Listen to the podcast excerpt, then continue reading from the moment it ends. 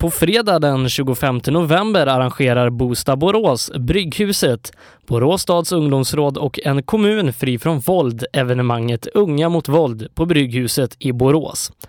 Madeleine Tossavainen är en av arrangörerna.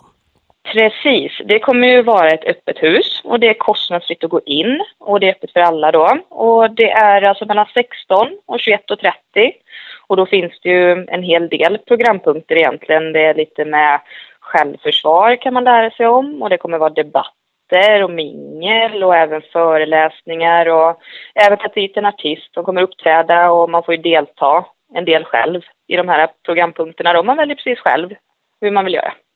Madeleine Tossavainen berättar mer. Eh, jag var ju med i ledarskapsutbildningen Bosta som eh, var på Brygghuset då, tillsammans med Borås stad. Så de hade med 11 stycken unga vuxna och det är ju mellan 16 och 29 då. Så där är jag med och eh, det är ju en utav arrangörerna, Brygghuset då och ledarskapsutbildningen Bosta tillsammans med Borås stads ungdomsråd och så är det ju en kommun fri från våld. Då. Så då har vi skapat eventet tillsammans, Unga mot våld.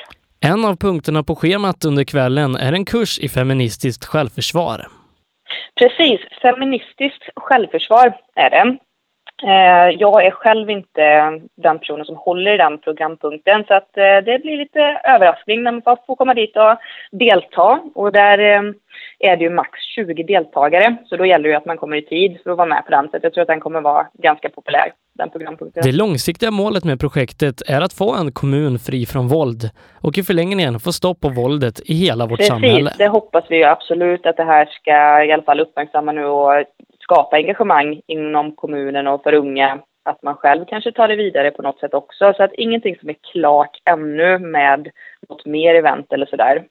Utan detta är i alla fall nu då det som har blivit ett resultat utav ledarskapsutbildningen bland annat. Det sa Madeleine Tossavainen, reporter var Sebastian Borgert för The Beat.